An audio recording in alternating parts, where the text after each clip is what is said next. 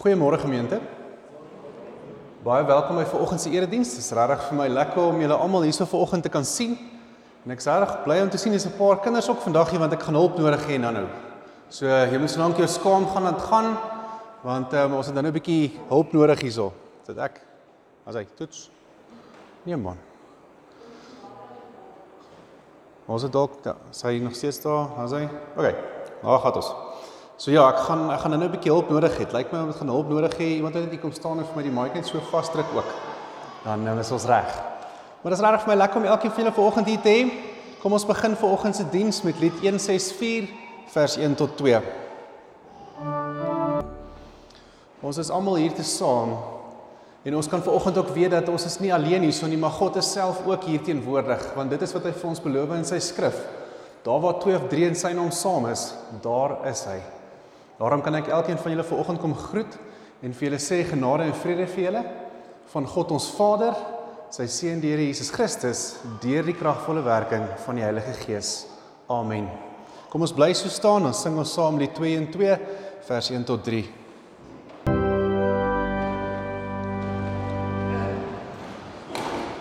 Kom ons sluit dan ons lofsang af met lied 209. Ja, nee. Hallo.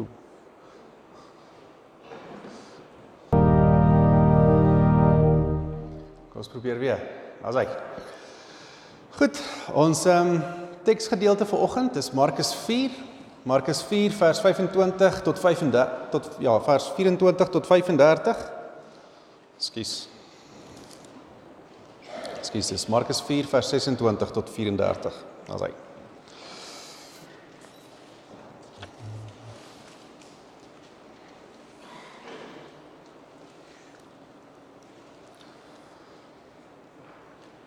Kom ons sit so voordat ons lees, kom ons bid saam. Here Almagtige God, baie dankie vir die voorreg wat ons het om so as 'n gemeente mekaar te kan wees. Here, dankie dat ons kan weet dat U ook vanoggend hier teenwoordig is. Here, ons wil U loof en prys vir U goedheid wat U vir ons hierdie afgelope tyd so bewys het.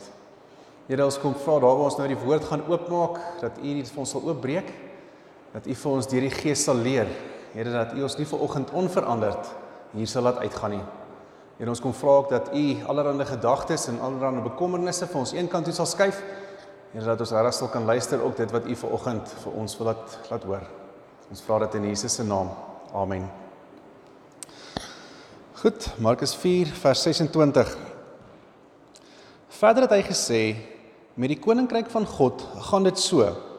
Iemand saai die saad op die land en gaan slaap en staan op dag na dag en die saad ontkiem en groei.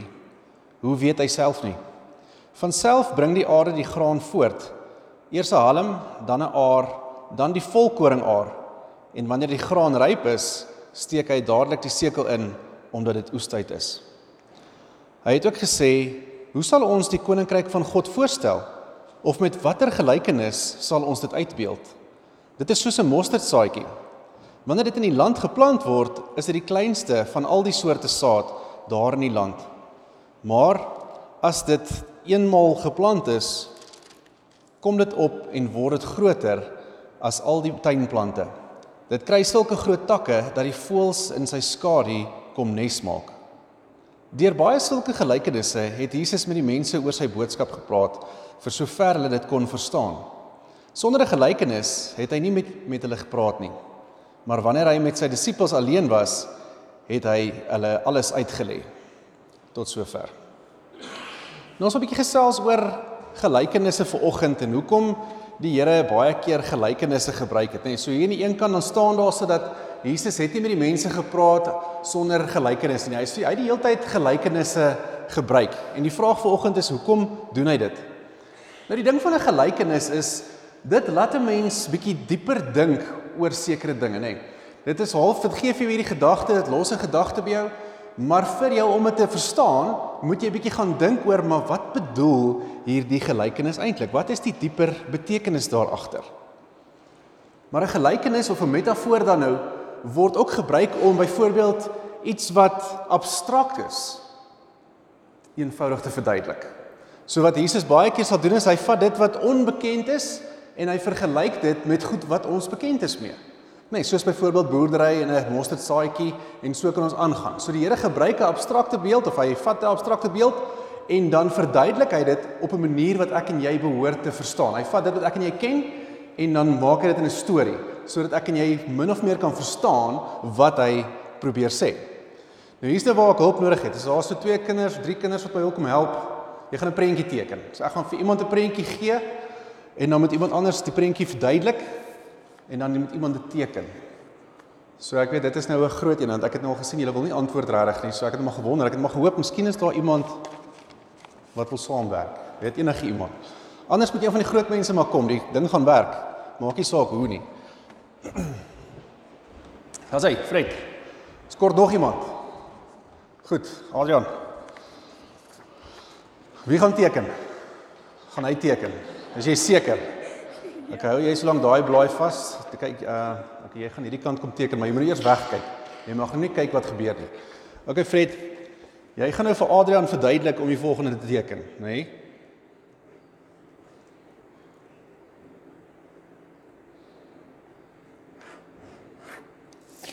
Right. So jy gaan vir hom verduidelik, hy mag nie kyk nie. Hiersoos vir jou pen so lank. So staan jy dalk daarso, net daar dat hy dat hy nie vir dat hy kan sien wat jy wys of wat ek al nie. Dit is vir net die papier dubbel wat ek kan sien. Hy kan deur dit sien. Sy. Right. Verduidelik die beste wat jy kan doen. Adrian, hy gaan vir jou vertel wat om te teken. Go for it. Vierkant. Alright. Dan 'n drie nie eers 'n sirkel voor die vierkant. So hoek, se boonste hoek, regterkant se boonste hoek. Dan 'n groot driehoek voor die sirkel en die vierkant.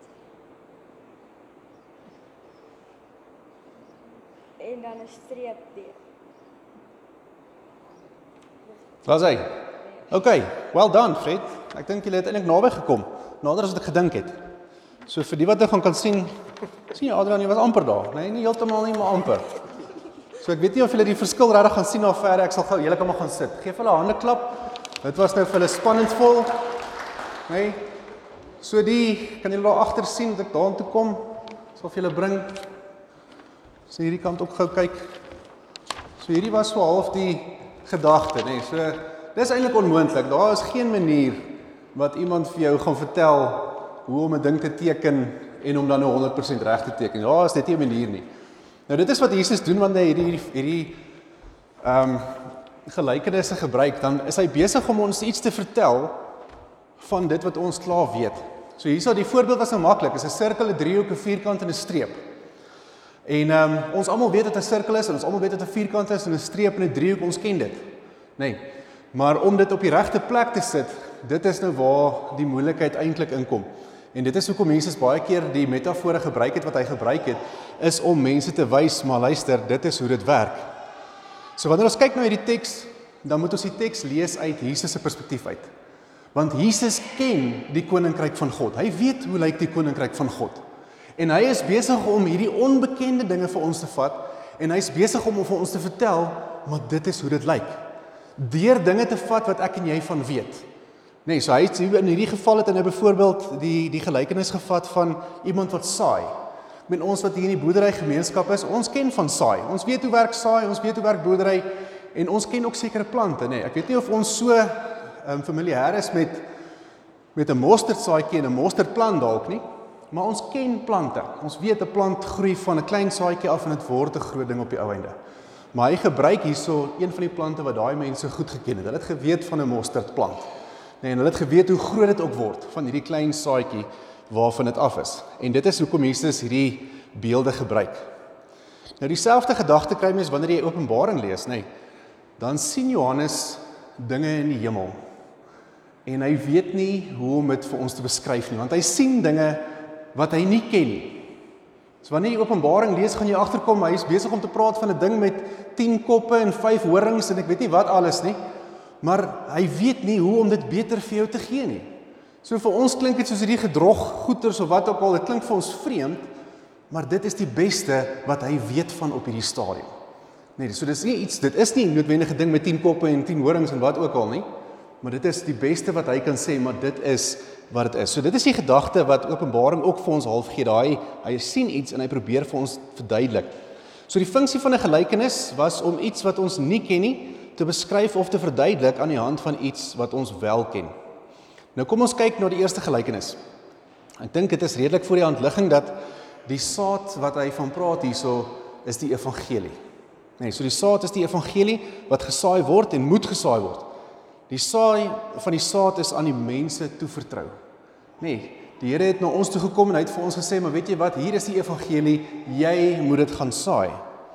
En dit is wat Jesus begin het. So Jesus was die eerste een wat gebring het en daarna het hy sy disippels bemagtig en hulle het die mense verder van daar af geleer van die evangelie. Nou elkeen wat die woord reg gehoor het, het dan tot inkeer gekom. En as jy tot inkeer gekom het, dan het jy die saad om te strooi.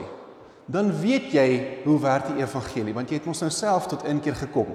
Jy het mos nou self die Here ontmoet en jy weet mos nou hoe dit gaan. So elkeen wat die wat dit gehoor het en tot inkeer gekom het, kan self ehm um, die evangelie verkondig.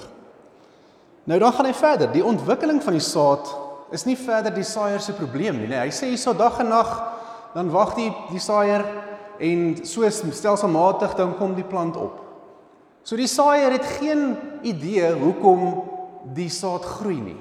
Net vandag het ons dalk 'n bietjie meer 'n wetenskaplike manier van o, dit is wat gebeur, die saad ontkiem en dan gebeur dit en dan gebeur dit en dan gebeur dit. Maar dis nou vandag met ons wetenskap, nê. Nee. Maar ons kan nog steeds nie dit self laat groei nie.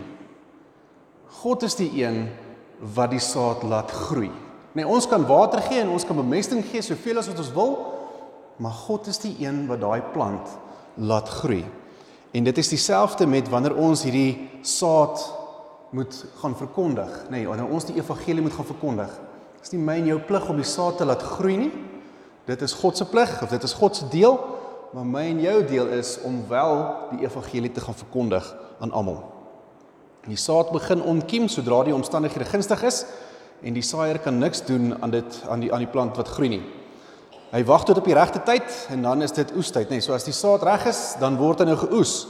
Nou hierdie oes waarvan Jesus hierso praat, verwys op dan natuurlik na die oordeelsdag toe, nee, die dag wat die Here weer gaan kom. Om te sê maar die ouens wat reg is, hulle gaan gaan afgehaal word en hulle word in die in die skuur skuur gesit. So elkeen wat 'n godvrugtige lewe gelei het, sal wees soos 'n koringgerf wat ingebring is op sy tyd. Nou hierdie eerste gelykenis kom sê vir ons drie dinge. Die eerste ding is is dat God stuur ons om te saai. So dis die eerste ding wat hierdie teks vanoggend vir ons kom sê. Die tweede ding is dat wanneer jy die woord reg hoor, jy bevoeg is om die evangelie te gaan verkondig. Jy kry hierdie bevoegdheid deur die Gees. Nee, ek soveel keer het ons al baie gepraat daaroor wat mense sê maar ek weet nie wat om vir mense te sê nie. Ek is bang ek sê die verkeerde dinge of ek is bang om vir mense te vertel van die Here want ek weet nie wat om te doen nie.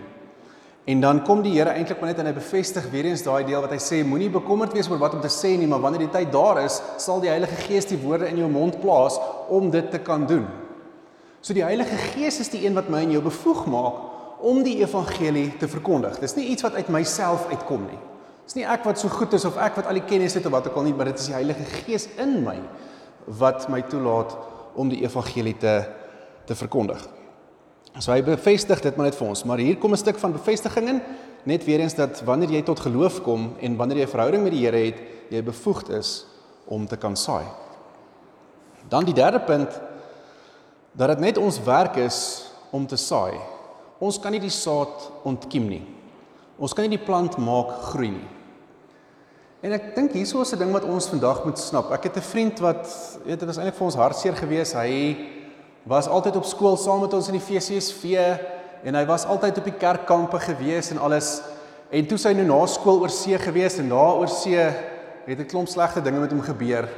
En toe hy terugkom, toe hy nou besluit hy is ateës. Toe hy nou 'n boek gelees en hy het half gevoel maar die Christendom is nie vir hom nie. Hy glo nie. En toe het ek 'n ander vriend wat verskriklik geestelik is. Nee, hy is in hierdie bands gewees en hy is kerk voor en agter en hy het hom bombardeer met die evangelie as ek dit so kan stel. Bybel lees, Bybelversies, vir hom gebid, weet gereeld vir hom 'n boek gegee om te lees en en en en dan probeer gesprek. Verstaan so half die evangelie op hom afgedwing as ek dit so kan stel wat eintlik glad nie gewerk het nie. Want ons werk was nog nooit om hom te laat bekeer nie. Dit was nog nooit ons werk gewees nie. En so op 'n stadium toe kom ek agter my hy's besig om my te vermy. Jy weet hy kom nie meer by my uit nie. Ek hoor nie van hom nie en ek bel hom toe eendag en ek gaan kuier by hom en ek sê vir hom maar hoor jy nou wat nou? Hoekom kuier ons nie meer nie? Hy sê nee, maar jy swat mos nou teologie. Ek sê ja. Hy sê jy gaan mos nou probeer om my te bekeer. Sê ek nee. Hy sê my jy moet. Ek sê hoekom? Hy sê dis jou werk. Sê ek nee, dis nie. Ek sê my werk is om die saad te plant. Dis al wat my werk is. Ek is hier om vir jou te vertel van die liefde van Jesus en dat die Here vir jou sondes gesterf het, maar dit weet jy alles want jy het groot geword in daai milieu. Maar die Heilige Gees is die een wat hierdie saadjie in jou sal laat ontkiem. En onmiddellik is daar 'n verskywing, nê. Nee. Ewe skielik is dit nie meer hierdie afstand, hierdie wegstoot nie, maar nou kan ons begin gesels. En dan is die volgende vraag maar wat gesels ek nou met hom? Want ek kan nie vir hom van die Bybel vertel meer nie, want hy weet klaar alles wat in die Bybel is. Nee, of nie alles nie, maar hy weet waaroor dit gaan. En ons begin sommer net gesels weer eens oor my belewennisse van God. Hoekom ek glo. Want onthou, hy het nou hierdie boeke gelees, nee, daar's 'n klomp ateëste wat boeke skryf wat half al hierdie dinge waaraan ons glo half sal teenkant. So hy het nou van daai boeke gelees. So ek gaan nie met Bybelse feite na hom toe kan gaan om te oorreed nie. Dit gaan nie werk nie, want vir elke Bybelse feit wat ek wil hê, sal daar seker een of ander teenargument kan wees. Maar ek begin vir hom vertel van my ervaring Jy kan nie vir my sê my ervaring is reg of verkeerd nie. Jy kan nie vir my sê maar jy het nie die Here ervaar nie. Jy kan nie, want dit was my belewenis. En aan die einde van die gesprek het hy vir my gesê hy wens hy kan ervaar dit wat ek al beleef het, maar hy het nog nie. En dit is min of meer waar ons gesprek geëindig het, nê. Nee. So die deur is nou so half bietjie oop gewees daarso om te sê maar hy's dalk nou weer bietjie meer soekend. Hy's nie meer so hard teen dit gewees nie. Maar dit was vir my 'n mooi voorbeeld op die ou ende van wat ons as Christene baie keer verkeerd wil doen. Deur mense te wil bekeer. Sê ek maar dit is nie ons werk nie. My werk is nie om jou te maak bekeer nie. My werk is om vir jou die evangelie te vertel en om my lewe met jou te deel in die sin van wat het die Here met my gedoen. En die Here is die een wat daai saad wat ek geplant het vat en hy ontkiem dit en hy laat groei dit wanneer die geleentheid reg is. Nee, wanneer dit is, sal ons nooit weet nie, net God sal dit weet. So dis wat hierdie eerste gelykenis ons kom leer. Ons kan net die evangelie kom verkondig, die res moet die Gees doen in die persoon. Ons kan wel die grond nat maak en en kunsmis bygooi deur vir die persoon te bid en aan 'n tou te getuig, deur liefde vir hierdie persoon te wys, Soos ek nou gesê het, hy was nou baie geBybel bash as ek dit so kan noem en baie mense was nou kwaad vir hom omdat hy nou ateïs was. So jy kon nou net eenvoudig gegaan het en vir hom 'n bietjie liefde gegee het, nê, nee, in die sin van, maar weet jy wat ek aanvaar jou soos jy is. Ek is met jou daar waar jy is. Die feit dat jy ateïs is, maak nie minder my vriend nie. Maak nie minder dat ek minder vir jou omgee nie. En dit bring 'n verandering. So dit is die water of dit is die kunsmis wat ons as Christene kan gee in hierdie proses. Die tweede gelykenis wat gaan oor die saadjie wat die kleinste is en dan groei tot 'n plant wat tot 'n skuilings bring vir die voëls. Is weer eens iets wat Jesus sê, maar hoe gaan ek die koninkryk verduidelik? En dan begin hy, dan sê hy van hierdie saadjie. Die koninkryk van God het 'n klein begin gehad, soos wat hierdie mosterdsaadjie was, maar dit groei in 'n plant uh, of 'n groot plant in. Die koninkryk het begin by Jesus, 'n timmerman en het versprei reg oor die wêreld. Net so weer eens 'n gedagte van hoe die koninkryk van God gaan werk. Hierdie koninkryk moet en doen gee skuilings aan almal wat daarin woon of skuilings soek. Menende as ons sê die kerk is waar die koninkryk vandag sigbaar moet wees, nee, dit is wat ons vandag moet doen. Ons as Christene moet vandag reeds die koninkryk van God sigbaar maak vir die mense om ons. Nee. So as ons dit sê, dan moet ons kan sê maar luister, die kerk is 'n plek waar mense veilig moet kom voel. Die plek, die kerk is 'n plek waar mense skuilings moet kom kry waar mense wat gebroken is, moet kan kom genees. Die kerk is 'n plek waar daar nie geoordeel veronderstel is om te wees nie. Want jy's deur te oordeel, dryf ons mekaar weg, veroorsaak ons skering. En dit is nie wat die Here van my en jou verwag nie. Die kerk is 'n plek waar die liefde van God uitgeleef moet word. Waar iemand moet kom en sê, weet jy wat, ek is stikkend, ek weet nie meer nie en die Here kan vind en die Here hierdie persoon kan genees, nê. Nee. Nie noodwendig op hierdie wonderbaarlike manier van die lig skyn in die hemel uit, woef en daar's alles reg nie. maar deur mense soos ek en jy. Mense se omgee vir mekaar. Mense om te sê, weet jy wat, ek het gesien dit gaan met jou swaar, kom drink saam met my koffie, kom ons gesels net. Nee, dis wat vir my so lekker is van ons koffiegeleentheid hier langs aan. So na kerk moenie huis toe gaan nie, kom drink eers koffie. Nee, dat ons net kan hoor hoe gaan dit met jou? Waar is jy? Hoe was jou week? Nee, as dit goed gegaan het, was dit great. Dan is ons bly saam met jou. Maar as dit dalk sleg gegaan het, dan ons vir jou vandag vir jou sê, maar weet jy wat, hier is vir jou koffie. Hierdie week wat kom gaan beter wees. Nee. 'n Lekker week wat voor lê. Ons kan mekaar ondersteun.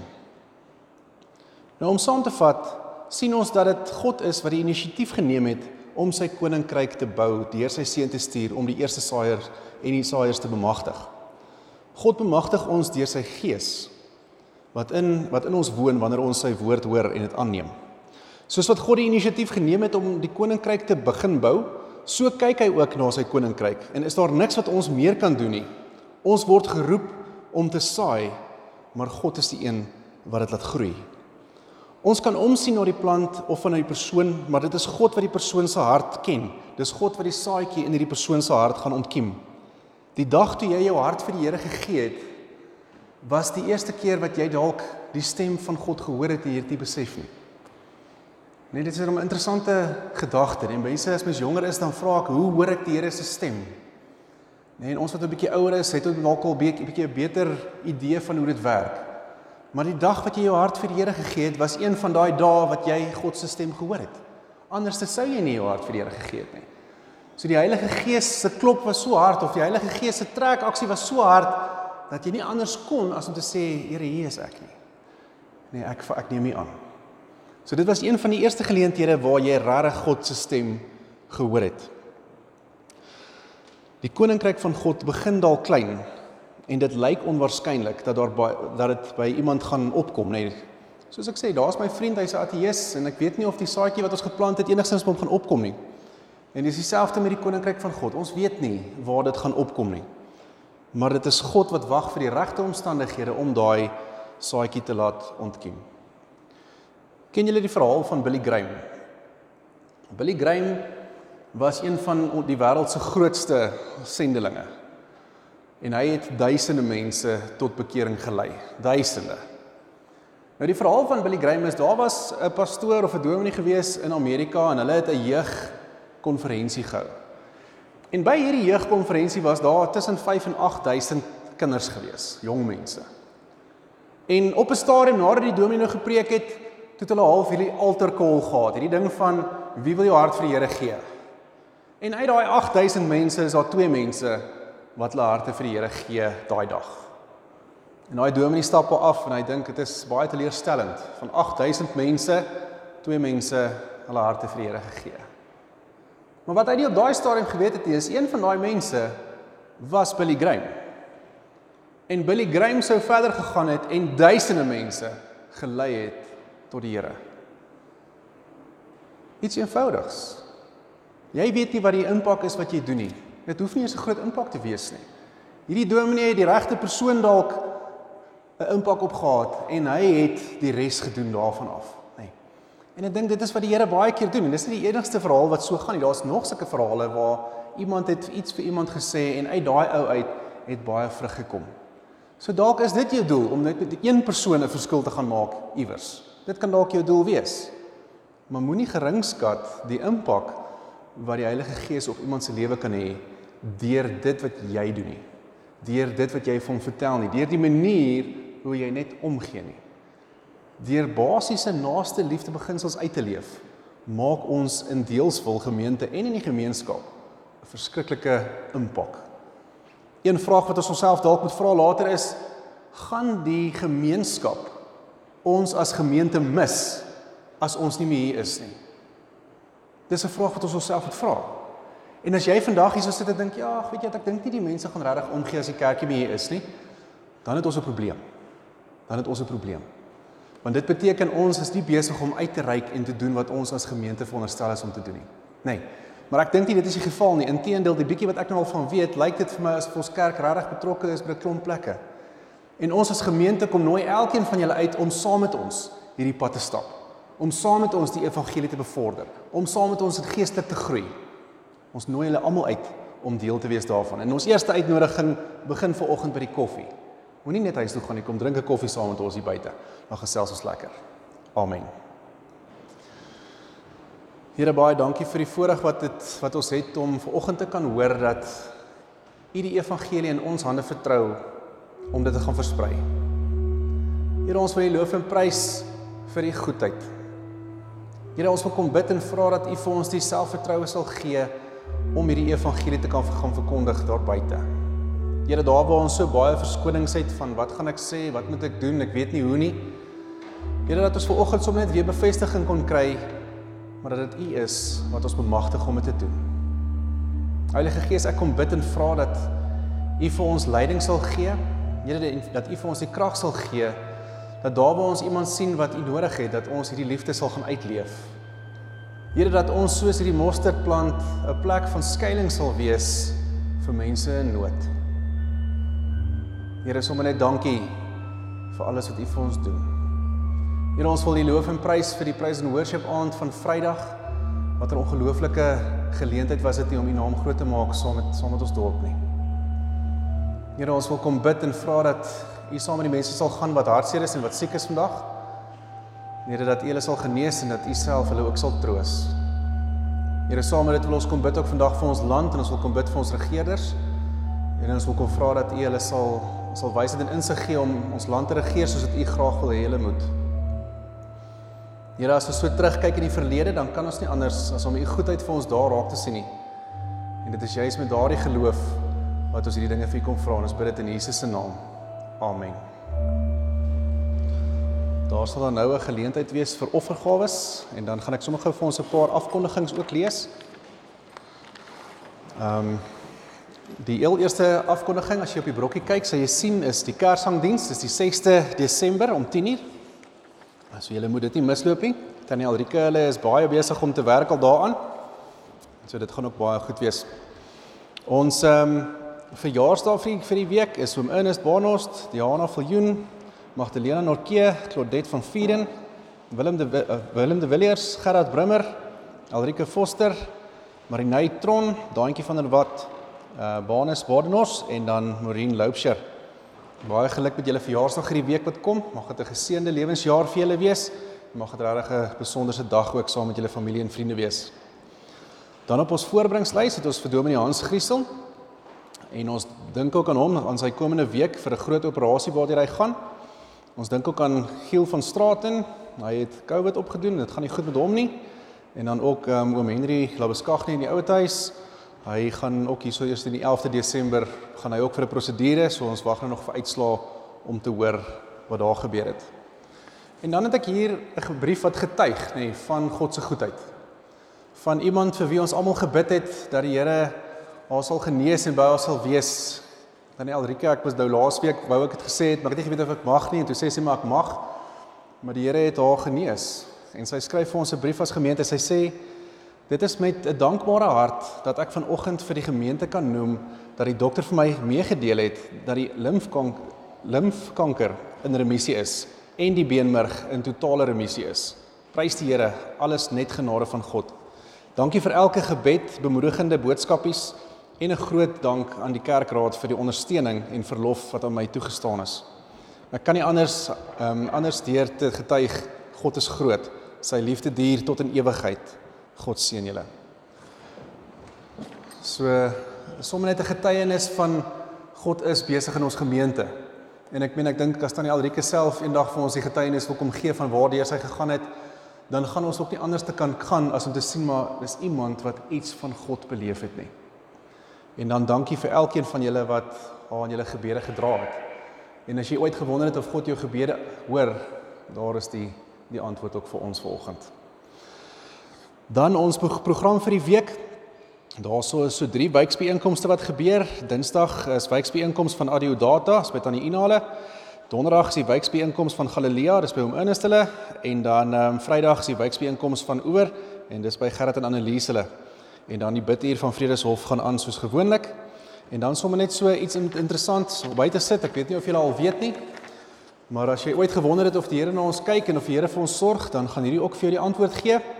Ons bazaar se inkomste staan tans op R223000 vir hierdie jaar, nê. Nee. Ons het begroot vir 230 000 rand. Is dit nie 'n wonderbaarlike getuienis om te kan sê maar die Here het vir ons voorsien nie in 'n jaar soos hierdie waar ons aanvanklik nie 'n bazaar kon hou nie en toe waar ons sommer nou die dag net 'n lekker bazaar gehou het hoe die Here vir ons hier voorsien. Baie dankie aan elkeen van julle wat betrokke was daar en dankie vir elkeen wat vir ons iets geskenk het tussenin. Ons waardeer dit opreg. Dan nog so laaste drie belangrike datums. Volgende Sondag is dit kerkraadsbevestiging. Maar saam met die kerkraadsbevestiging gaan ons my bevestiging ook doen. Ons moes my bevestiging gedoen het so in in die lockdown. So die gemeente kon nie regtig deel gewees het daarvan nie. So ons gaan volgende Sondag gaan ons daai bevestiging ook doen ehm um, saam met die kerkraadsgeleentheid. So moenie nie worry nie, ek sal nou nie maak dat ons 2 ure hier moet wees nie. Dit sal nog steeds net 'n uur wees. Ek sal met die mense praat wat deel van dit gaan wees. So kom wees deel daarvan. Dit sal vir my lekker wees as julle hierso is. Na die tyd gaan ons 'n bietjie kuier hier buite of ek weet nie wat is die beplanning nie. Maar daar buite gaan ietsie wees om te eet en te drink ook. So moenie wegbly nie, kom kuier saam met ons ehm um, vir daardie geleentheid. Dan Sondag 29 November, nagmaal en ehm um, die Kersangdiens wat dan skuif na die 6de Desember toe. Dankie, dit is dan eers al van my kant af. Kom ons sluit af vandag met lied ek het hom hierso 200 vers 1 tot 3. Kom ons doen dit staande en daarna sal ek vir ons die seën uitspreek.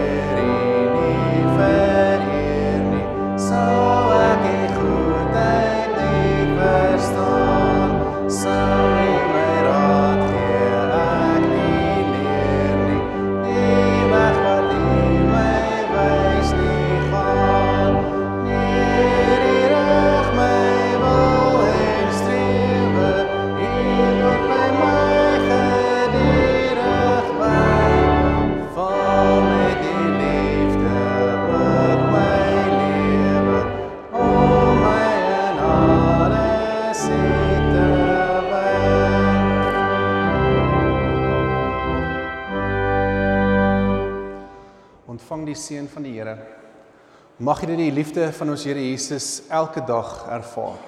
Mag die Heilige Gees in julle harte woon en mag hy julle bevoeg maak om die evangelie te gaan verkondig. Amen. You.